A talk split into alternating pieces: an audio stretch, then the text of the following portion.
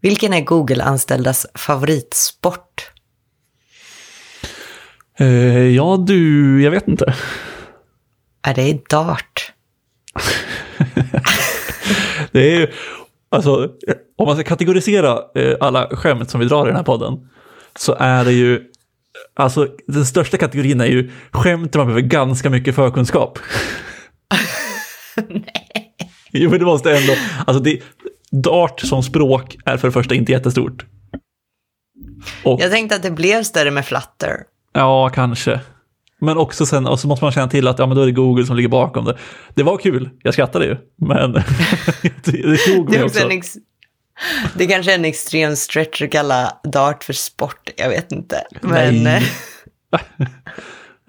ja, ja, men lite förkunskap, men alltså det är... Eh, de är, det, vet du vad de är? De är, de är utbildande. De är utbildande, precis. Okej, med det avklarat. Uh, jag vet inte riktigt var vi ska börja, men vi tänkte väl köra en fortsättning på ett avsnitt som vi höll för innan sommaren någon gång. Som heter, eh, jag tror att det heter En lyckad brittisk rekrytering va? Ja, för att eh, hej och välkomna till ASDF-podden. Ja, som ni Varje gång. lyssnar på just nu. Jag, var, jag försökte gå in med hög energi för att du sa att du, hade, du var lite trött idag, så tänkte jag att jag ska väga upp det. Ja, nej, men jag har sovit stabila två timmar i natt, ja. så att, eh, det löser sig. Det löser sig. Eh, det är ingen som kommer märka det. Nej. Eh, ja, men eh, vad sa vi då? Vi sa en eh, lyckad brittisk rekrytering. Ja, herregud, nu fick jag lite... PTSD. Känslor tillbaka igen. Eh, jag tycker att har man inte hört avsnittet så är det kanske ett av mina favoritavsnitt, när Therese berättar om eh, hur hon gick igenom en rekryteringsprocess på ett bolag med en brittisk rekryterare som man skulle kunna sammanfatta det som att hon var väldigt på. Ja, nej men hon, hon gjorde sitt jobb eh, med bravur, så att säga. Jag vet inte, men alltså, det, det, är många, alltså de brittiska rekryterarna jag har stött på, de ska nu stoppa i samma fack här. Och, eh, men de är ju lite intensiva. Ja. Rätt. Um, jag, alltså så här, jag känner att jag fick mina fördomar bekräftade när du berättade ja. om det här. Uh, så att, uh, det är väl det. Men går att lyssna på det, det är svinbra faktiskt. Det är riktigt roligt. Kanske vårt roligaste avsnitt. Ja.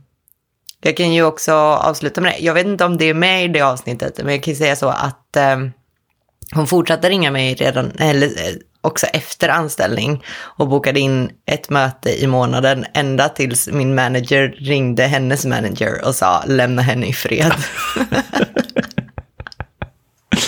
uh, japp, det uh, säger också en hel del. Ja. Men så var det absolut. Så var det med det. Och i vilket fall, att anledningen till att det hette en lyckad brittisk rekrytering var ju då för att du fick faktiskt ett jobb genom det på ett, eh, en startup i Berlin. Jajamän. Där du har jobbat sedan dess. Och vi tänkte väl i alla fall börja med att prata lite grann om kanske skillnaden mellan konsultbolag och produktbolag. Ja. Då ska vi se, då vill du att jag har någon typ av eh, redogörelse att, för skillnader. Ja, gud, nu vill jag ha, jag vill ha visdom av dig. Jag vill liksom ha allt, man kan liksom ha det som en liten eh, pros och cons-lista sen om man själv bestämmer sig mellan att vara konsult och produkt, eller på produktbolag. Jag har inte så mycket visdom va? Um... Vad kände du var liksom eh, största skillnaden? Jag tror den allra största skillnaden var att jag liksom hade ett helt annat ägandeskap. Mm. För att som konsult så har jag ju tränat mig ganska mycket på att komma in, kolla läget, eh, liksom försöka passa mig in i, ja men vilken kodstil kör vi här, hur gör vi de här lösningarna, ta in information innan jag börjar kanske föreslå förändringar, om jag ens någonsin föreslår förändringar för jag är skraj, liksom sådana saker. Um, Men här på produktbolaget var det ju snarare så att jag förväntades komma in som en senior erfaren frontend eh, engineer och liksom driva mycket av de bitarna liksom. Och ha ägandeskap för dem och komma med förbättringsförslag och mera kunskap helt enkelt. Så det, det. det är ganska stor skillnad på hur jag tacklade koden, eller vad man ska säga. Vad, alltså, eh, jag tänker ju att det låter ganska eller båda sakerna låter ju ganska nice. Alltså så här, att konsult kommer in och så här, man behöver inte känna press på att ah, du måste leverera direkt och du måste liksom känna jättemycket ägandeskap över koden. Även om man liksom kan göra det som konsult också. Men det låter också väldigt kul att komma in och känna att ja, men det här är liksom en produkt jag ska jobba länge med och försöka ta hand om och göra till det bästa som det kan vara och det typ förväntas av mig. Ja. Eh. det beror kanske också på hur skraj man är. eh, jag har ju fått träna mig på att ha starka åsikter. Alltså jag hade ju förr hade jag ju väldigt starka åsikter men absolut inga belägg. Och sen tränade jag mig på att liksom luckra upp åsikterna, inte vara dogmatisk utan inse att det finns många sätt att uppnå samma sak. Och nu var det mer så här, inte att jag ska gå in och vara dogmatisk igen, men att jag ska ha ändå liksom bas för mina önskningar och påståenden. Och Starka liksom åsikter vilja. fast med belägg liksom. Ja, precis. Och en vilja att förbättra och driva framåt. Liksom. Mm. Ehm, det är ganska stor skillnad mot att komma in på ett uppdrag där det är så här, hej, du ska in här i tre månader, du ska bygga den här pocken och sen ska du ut igen. Liksom. Det är ja, inte så exakt. att jag, jag, är inte så framtids... Jag har inte så stort framtidstänk då liksom. Nej, nej då blir det verkligen, alltså när det är liksom korta uppdrag så blir det verkligen att man kommer in och liksom säger att ja, ja, då gör jag det här och sen så drar jag. Eh, och så behöver man inte bry sig så mycket. Sen kan man ju alltid bry sig om liksom så här, att tekniken man väljer eh, kanske överlever de här tre månaderna och sånt där. För att pockar är ju väldigt sällan äh, saker som kastas bort i slutändan ändå. Men, ja. eh, men det blir ju skillnad också som typ, alltså jämförelsen kanske liksom blir närmare om det är liksom ett uppdrag som är typ så här, ja men här, det här är ett långt uppdrag, vi förväntar oss att du ska liksom vara här länge, bla bla bla. Ja, så är det absolut. Men det är också så att då kanske, där kommer ju teamdynamik in också. Säg att man har ett team som är fastanställt och du inte är det. Mm. Och dynamiken är lite speciell. Då kanske inte heller skulle engagera mig lika mycket. Alltså, jag skulle ju vara konsult som har satt i system att rymma när saker är jobbigt, så då skulle jag väl rymma liksom. Ja, men det kan jag tänka mig. För sen en annan sak som jag har tänkt kanske är en skillnad är liksom hur man tänker på bolaget. Alltså som konsult, när jag kommer på ställen, så, alltså så här, jag försöker ändå bry mig väldigt mycket om produkten man bygger och vad det är för något man ska göra och liksom teknikmässigt och teammässigt och sånt där. Men sen liksom allting runt omkring, typ så här hur bolaget är och vad, eh, vilka värderingar de har och sånt lägger jag mig inte i så mycket. Alltså så här, det är samma sak, jag engagerar mig liksom inte så mycket internt hos kunder. På samma sätt som man gör hos konsultbolaget då. Eller som man gör om man är på ett produktbolag, tänker jag mig. Nej, men det är ju väldigt sant. Alltså, nu är jag ju tyvärr ändå en person som inte alltid klarar av att vara eh, tyst un under vissa omständigheter. Men eh, jag har ju lättare att eh, liksom låta saker eller vad heter det, släppa saker när jag är på uppdrag på ett bolag. Alltså som du säger, jag bryr mig inte lika mycket om det bolagets politik eller riktlinjer eller konstigheter, vad den må vara. Liksom. Men på Nej. produktbolaget är jag ju engagerad. För att alltså på konsultbolaget har jag ju brytt mig. Så det, det är väl liksom ja, det som blir att det, det bolaget jag är anställd på, där bryr jag mig mycket mer. Mm. Ja, men sen vet jag inte, för alltså, jag tänker också att det blir lite skillnad när man jobbar remote. Alltså, för du är ju suttit 100% remote eh, i stort sett. Ja. Och liksom, då blir det ju, jag vet inte, jag, jag, föreställer mig att för min del blir det liksom svårare att engagera sig i, i andra saker än det man gör dagligen. Liksom. Ja, det skulle jag nog säga att det ändå har varit, liksom, speciellt när jag kommer in i ett skede där många redan känner varandra väl och har mm. jobbat tillsammans och möts på kontoret och så. Sen är många väldigt många ändå så att de jobbar hemifrån liksom. Men de har kommit igång med så här, ja, vi kör en company breakfast every week och där har jag inte ens en möjlighet att komma in. Och sen började de köra sådana här, ja vi kör en teammiddag tillsammans, sorry Therese, you couldn't be with us. Jag var så här, har jag dött eller vad händer? Men alltså. ja, nej det är ju liksom så... hinder. Och det kanske liksom så lite faller på på eh, bolaget att man måste ändå försöka liksom, eh, se till att det finns remote-vänliga aktiviteter som ger liksom, möjlighet att man kan bonda lite grann och sånt. Ja, och de har ju verkligen försökt. Det är snarare jag som varit avig. Alltså typ att de ville ha en, en AV, en digital AV tillsammans, när två var på kontoret. Jag hörde inte vad de sa och jag var jättestressad och ville jobba. Och så var jag inte så trevlig. så det är på mig. Ja, det, absolut. Men det var, alltså det är ju... Jag var ju lite rädd för den FOMO-grejen, liksom. Mm. Att inte ens ha möjlighet att kunna åka in till någonting. Den har väl inte varit så påtaglig, men den har ju absolut funnits där, liksom. Ja, men du trivs väl också väldigt bra med att jobba hemifrån? Alltså ändå, alltså det är även liksom under pandemin när det var liksom tvingat hemjobb och även om du konsultade så har du ändå tyckt att det var ganska härligt att sitta hemma.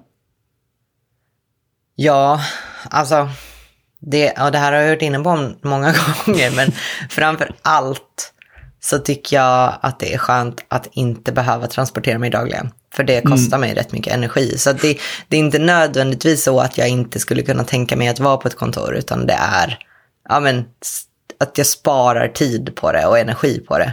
Och sen så att jag skaffade en pandemihund. Just det. Eh, för att hon är ju 100%, hon är ju 100% en pandemihund. Det kan man ju inte riktigt sopa under mattan så, utan så är det ju. men ja, precis, så att hade kontoret varit liksom eh, nästgårds så hade du varit så här, ja men då kan jag knata dit på morgonen. Ja, absolut. Och mm. kan jag ta med min hund så... Ja, ja då hade det varit liksom ännu bättre. Ja. Du inte funderat på liksom så här coworking-grej eh, om du har känt så här att jag behöver folk runt omkring mig? Det kanske inte finns så mycket coworking-ytor i närheten av där du bor i och för sig. Nej, det är inte så mycket att jag känner att jag behöver folk runt omkring mig. Men det är väl mer så att hela teamet träffas utan mig och sen pratar om mm. mig som jag har gått bort. Då, då missar man delar liksom. Ja, nej men absolut. Ja, nej, det är, jag tycker också det, det är lite svårt det där. För nu är det också, alltså jag trivs också ganska bra med att jobba hemma, men jag kan ju verkligen sakna liksom att så här, sitta med teamet på plats och kunna diskutera saker och sånt. Och även bara träffa folk. Men då har jag liksom både att jag kan åka in till konsultkontoret eller till liksom kundens kontor. Och det tycker jag är väldigt skönt, liksom att ha ändå valmöjligheten. Ja, men du är ändå hemma lite mer än vad jag tänkte att du skulle vara. För att du var väldigt i början så att du vill absolut tillbaka till kontoret? Jo, men jag tror också att det är lite... Alltså så här, visst, i, i början så var det lite så här, ja men då var jag väldigt van med att vara på kontoret. Och nu tror jag liksom mm. jag har avvänt mig och landat i något mellanting. Så nu tycker jag liksom någon dag i veckan på kontoret är ganska nice. Men sen krävs det också att resten av teamet är där. Alltså det är helt värdelöst att åka in till ett kontor som är tomt. Det känner ja. jag ju ingenting på liksom. Så att, det är mest kallt. Ja, exakt. Uh, så att det, liksom, det, beror lite på omständigheterna runt omkring. Sen visst, alltså, jag kan åka in till konsultkontoret, för där är det typ alltid folk. Men där är det också lite grann så här, ja men då kan jag typ lika gärna vara hemma. Eller så här, för det blir också lite svårare att jobba därifrån. Särskilt om man ska typ mobbprogrammera remote med andra och sådär. Jo, men alltså för att jag hade ju i början, när vi pratade om när man pratade om remote innan pandemin, då var jag så här, men jag kan jobba hemma då och då, men jag kan absolut inte jobba hemma, för då känns det inte som att jag jobbar. Jag behöver åka till ett kontor för att känna att jag är på jobbet. Och sen mm. så kom det här, jag van mig vid att sitta hemma och jag får ju fortfarande jättemycket mer gjort, på gott och ont, fortfarande hemma. Mm. Jag är ju svårare att släppa det, men alltså jag hade ju en tendens att bara sitta kvar i timmar på kontoret också. Nu är det mer så att om jag sitter kvar så är jag hemma sen. Eh, men ja, alltså det är ju sjukt mycket lättare att komma in i flow hemma än ja. vad jag har på ett kontor. Liksom. För på kontor måste jag nästan typ ta på mig skygglappar och sätta på noise cancelling med musik och bara så här sjunka in i datorn. Ha liksom. en stor sån här röd saftblandare och prata inte med mig. Så ja men typ. Gör inte någonting i min periferi som nej, jag skulle kunna finna intressant. exakt.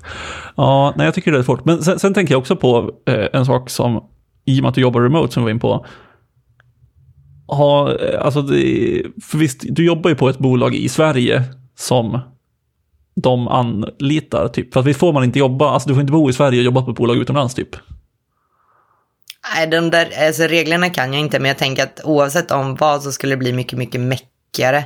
Ja. Jag tänker att då kanske du skulle behöva vara egen och fakturera, men det är ju så att det ja, finns ju sådana bolag. Ja, för det finns ju sådana bolag, vad heter de, Remote och Deal och det som företag kan använda sig av som liksom anställer personer i deras hemland. Just Så att man följer de arbetslag, marknadslagar och vad heter det, arbetsmarknad, bla bla. Följer de lagarna och eh, riktlinjerna som finns liksom. Och skatt och så vidare. Alltså allt det här. Just det, så att det blir liksom egentligen, alltså när man går via dem så blir det inte så stor skillnad för din del jämfört med om du skulle jobba på ett svenskt bolag. Nej, alltså jag jobbar ju då på pappret egentligen på ett svenskt bolag. Ja, men jag jobbar ju på, ja, på pappret via dem och Ja. inte... Men så typ pensionsmässigt och alltså så all, allting sånt sköts liksom via det svenska bolaget så att de har koll på de svenska reglerna så slipper man liksom hålla på och mecka med det. För det känns som att det skulle kunna vara jävligt mäckigt. Ja, eh, pension är kul att du nämner också, för det blir det ingen nämligen. Jaså? Ja. Nej, så det satt jag och härjade lite på om jag skulle kunna löneväxla och sådana saker. Kom aldrig fram till någonting. Ehm, men ja, så det, det finns ju en del att reda i det också. För det är svårt att veta från de som ska anställa mig sitter ju också i ett annat land. Liksom. Ja, exakt. Och sen tänker man att saker är ganska lika och så är det absolut inte det. Som till exempel vår industrisemester, det är ju nästan ingen annan som har det. Det tycker alla är helt galet. Ja, ja det är faktiskt sinnessjukt om man tänker på det. För jag, alltså man, jag i alla fall tar det som en sån oerhörd självklarhet. Ja det har varit så, alltså jag, hade, jag har haft en vecka semester den här sommaren och den var i juni. Eh, och sen dess har jag jobbat i princip hela sommaren. Och sen så försvann alla andra liksom, kompisar så här, i fyra veckor. Och sen började alla komma tillbaka. Ja, dags till, dags och på't igen då. Alla man träffade ute med hunden bara. Ja, precis, kommit tillbaka från semestern. När är er semester slut? Jag bara, ja. Det liksom finns inte. Så det har varit ganska spännande. Ja, men är det för att du har valt att ha den semestern eller alltså så här, skulle du kunna ta industrisemester om du ville typ? Eh, jag hade nog kunnat tagit industrisemester om jag ville för att det är liksom en regel som finns i Sverige att Mm, vi exakt. ska kunna få göra det. Men sen har jag ju bytt jobb så att jag hade ju inte tillräckligt många semesterdagar. Nej, precis. Ja, okej, men då är jag med på hur det funkar. Ja. Nej, men det har varit eh, mycket att lära sig. Eh, det har varit lite spännande. Ja, det förstår jag verkligen. Jag funderade på att jag hade någonting, vad var det jag tänkte på kring det? Eh... Ja, nej, skitsamma. Eh, jag kommer inte på något, så vi kan väl, vi kan väl gå vidare i din eh, startup-resa, eller vad fan vill du kalla det här. För det var också lite, jag tycker också, eh, jag vet inte, jag tror att vi pratade om det förut. Eh, så här, att, du, att du bytte lite jobb för att du ville göra något nyttigt för världen, typ. Eller så här att du ville inte bara sälja dig själv för pengar. Som jag tror att jag råkade säga då också, men jag menar sälja din tid för pengar. Fint parafraserat eller vad det heter. Um, uh, ja, alltså det var ju verkligen så. Går det att, för att, och där är väl, jag vet inte om jag bara säger det i intervjun eller om jag har sagt det i podd, alltså intervju, jobbintervjuer eller om jag har sagt det i podden också. Men så här, jag kan ju inte förändra världen på något så här, skapa nya miljömässiga ämnen eller revolutionera plastindustrin. Alltså inga sådana grejer. Så att jag menar, vad, finns det någonting jag med min kunskap kan göra för att försöka göra världen lite bättre så hade ju det varit nice att kunna försöka göra det. Liksom. Ehm, jag känner väl alltid, det är inte alltid så lätt att hitta någonting för att det är alltid så här, man tummar på det här eller tummar på det här eller så, så är det bara floskler. Eh, Så det här var väl ett försök verkligen att, okej, men let's use my knowledge for something good. Mm. Ja, exakt. Och alltså, jag, jag, jag kan verkligen liksom identifiera mig med det. I att så här, ja, men fan det skulle vara kul att göra någonting som inte bara är liksom att bygga typ en e-handel eller alltså något som är lite vettigare eller något som ger liksom verklighet ett, ordentligt värde till de som använder det. Ja. För jag menar, jag gör så många andra dåliga saker. Jag kör omkring med min bil och köper mina saker. Alltså, så här, jag menar, det är, det är en svår grej liksom. Alltså jag menar, det känns som att om jag, om jag kan få må okej okay på jobbet och ändå jobba mot bättre snarare mot att jobba för dåliga saker. Bara, då, då kan jag ta den chansen. Liksom. Mm. Ja, men exakt. Jag tror också att liksom så här, skulle det dyka upp något, alltså jag trivs ju ändå väldigt, väldigt bra eh, på jobbet och liksom med det jag gör och jag, jag har liksom svinkul om dagarna. Men det som skulle kunna få mig att eh, liksom byta jobb är väl typ så här, ja men det dyker upp något jäkligt roligt bolag som gör någonting både kul tekniskt och liksom eh, bra för världen, ish. Ja. Jag tycker alltid att det kommer till sin spets så här, när man börjar prata om sådana här saker, när man börjar titta på jobb, eller för mig.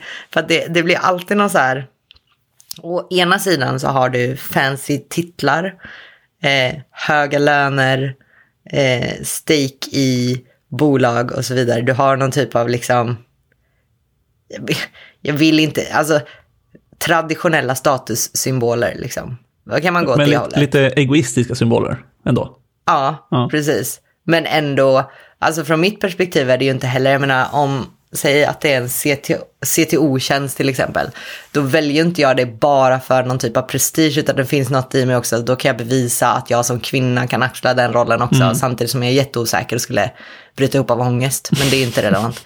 ehm, i liksom bestämmande skedet. Men, och sen är det den här äh, att försöka göra lite bättre saker för världen, och då blir det på något sätt Okej, okay, men då måste du i vissa fall jobba för betydligt mindre pengar. Och, och det kanske inte är pengarna i sig som är problemet, men då har du hela tiden det här andra om att ja, men de andra tjänar massa pengar. Det är någon sån gammal klassisk filmgrej, du vet så här, privatiserad sektor versus mm. allmän sektor och gott versus ont och så vidare. Och så vidare. Det är lite så jag tycker att det känns jämt. Och här hittade jag ändå någonting som var något där jag kunde försöka skapa lite förändring. Ett team och ett bolag som har lagt jättemycket tid på människorna och att skapa en trygg arbetsplats.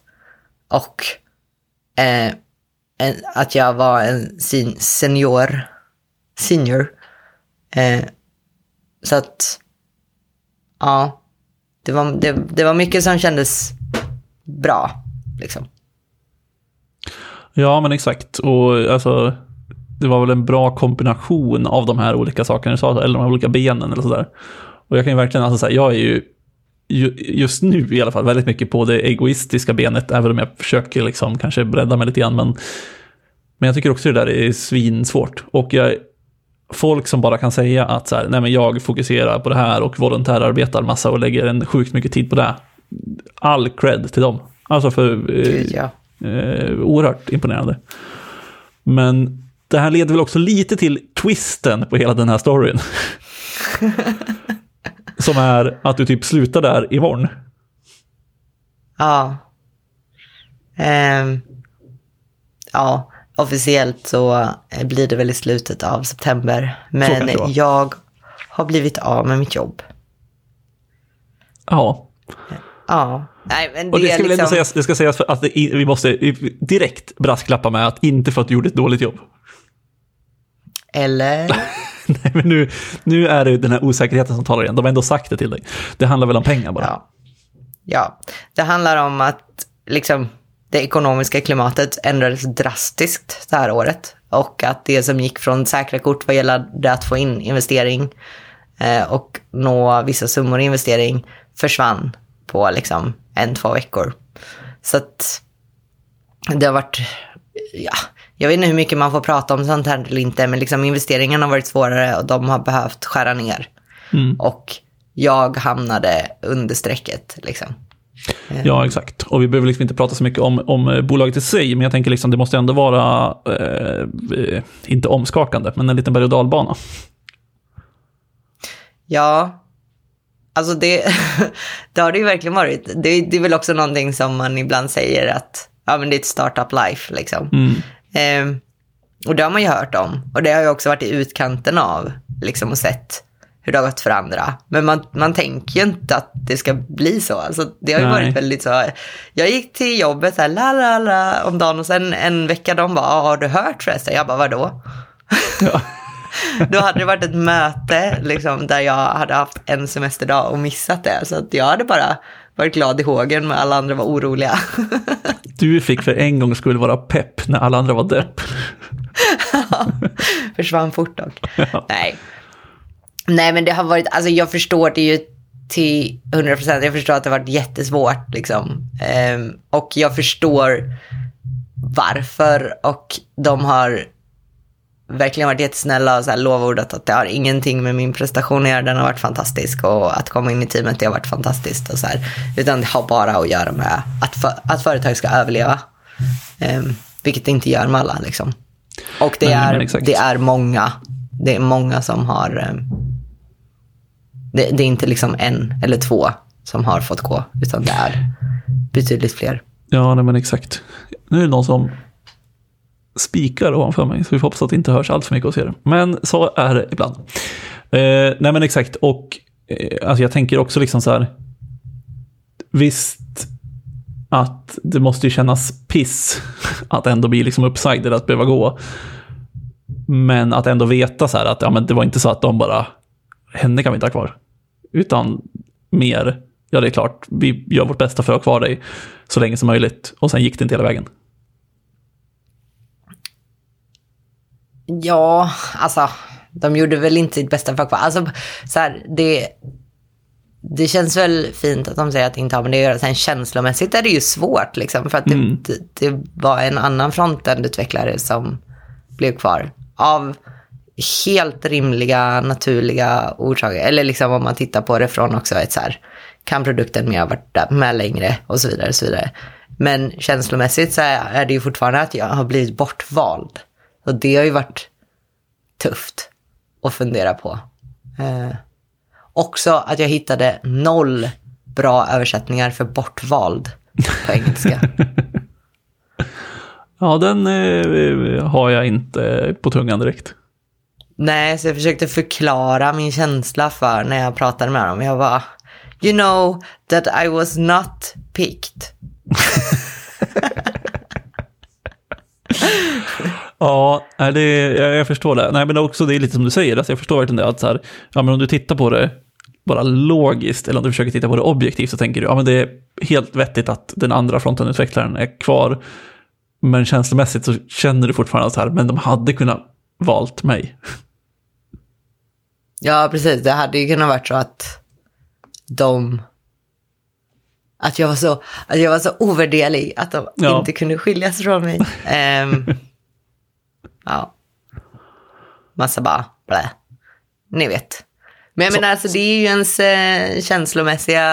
Eh, det är känslor som jag inte kan kontrollera över, som jag bara får acceptera. Så att det är ju så det Ja, men exakt. Eh, det är ju liksom något att bearbeta, så att säga.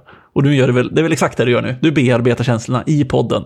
Inför publik. Ja, toppen. Inför publik. det är så man ska göra. Ja, men jag tror, jag tror nästan att det jobbigaste på hela det här är att jag inte riktigt vet vad jag ska göra nu. Mm. Um, och så här, för att det var ju ett nytt beslut att fatta att okej, okay, men jag går ifrån konsult och jag mm. hittar det här bolaget där det kändes bra. Att det som vi diskuterade, liksom, jag har de här benen, lite egoistiska ben, men också ja, det låter jättekonstigt, men lite av de eh, egoistiska delarna och lite av de rädda världen-delarna och lite så här allt. Eh, så här kan jag väl stanna ett tag och liksom se hur det utvecklar sig. Och sen nu på en vecka så bara drogs mattan undan och nu är jag mer i ett läge att jaha, vad gör jag nu? Eh, jag och min pandemihund, eh, liksom. Jag tänker så här, ni kan ju ta några dagar och leva livet. En vecka sådär chilla lite, återhämta dig, landa. Men sen så tänker jag att eh, vi kan, vi kan ju ta tillfället i akt. Vad skulle du liksom vilja? Alltså jag tänker att, vi har varit in på det, men vad, vad vill du göra liksom? Är det fortfarande liksom, tänker du så här, ja men nästa ställe vi nu också ett produktbolag som gör någonting nyttigt eller altruistiskt kanske? Uh. Alltså jag har ingen aning. En del av mig ville bara ta en timanställning på att rulla pitor nere på restaurangen här borta. Men... det skulle ändå också vara något. Det är väl som han som startade hamburgerkedjan, eller det var inte en kedja, men Flipping Burgers. Han var ju IT-konsult innan och så reste han till USA och käkade hamburgare och kom tillbaka och startade en hamburgerkedja. Åh fan. Där har du något. Ja. Bara att det blir pita för dig istället. Jo, precis. Men alltså, jag vill ju inte ha ansvar. Jag vill bara... Du vill vill stå där och göra. rulla. Ja. Jag ser mig som en, en arbetare bara. Ja, exakt. Eh, Nej, men jag vet inte. Det är, jag, jag är fortfarande... det är fortfarande... Jag är tillbaka i samma vända liksom. Okej, är det titlar och är det pengar? Eh, Det, det har gått upp för mig väldigt mycket också under den här resan att jag vill ju inte ha ansvar över andra människor. Jag vill inte bara ha möten. Jag gillar att sitta och koda liksom. Mm. Jag, jag tror att jag gärna håller mig där. Och sen kommer någon med så här, du vet, titel här borta och erbjudande här borta. Och så kastas jag omkring lite i det. Men det, är ju, det står ju lite mot att, okej, men produktbolag, då kan jag hitta en bra produkt. Men jag saknar trots allt att vara konsult. Mm. Jag vet, jag vet inte varför, men jag saknar det. Jag saknar dock att vara det på ett mer hållbart sätt. Jag skulle behöva göra det där vi har ett maxtak på 40 timmar i veckan. Jag kan inte ligga utöver det liksom. Och, och sådana bitar. Men det är också svårare. Det är ju svårare för mig att komma och säga att okej, men jag måste kunna vara remote på mina uppdrag. För att Ja, jag har precis. en hund. Det är svårare att, att, att hantera det. Så att, jag vet inte. Det är kaos. Kaos. Ja, men vi kan ju, vi kan ju absolut eh, ta in förslag. Om någon, om någon sitter liksom på ett bra bolag som de känner till, som matchar de här eh, kriterierna. Så, eh, Okej. så, så hör av er till, till Therese, typ.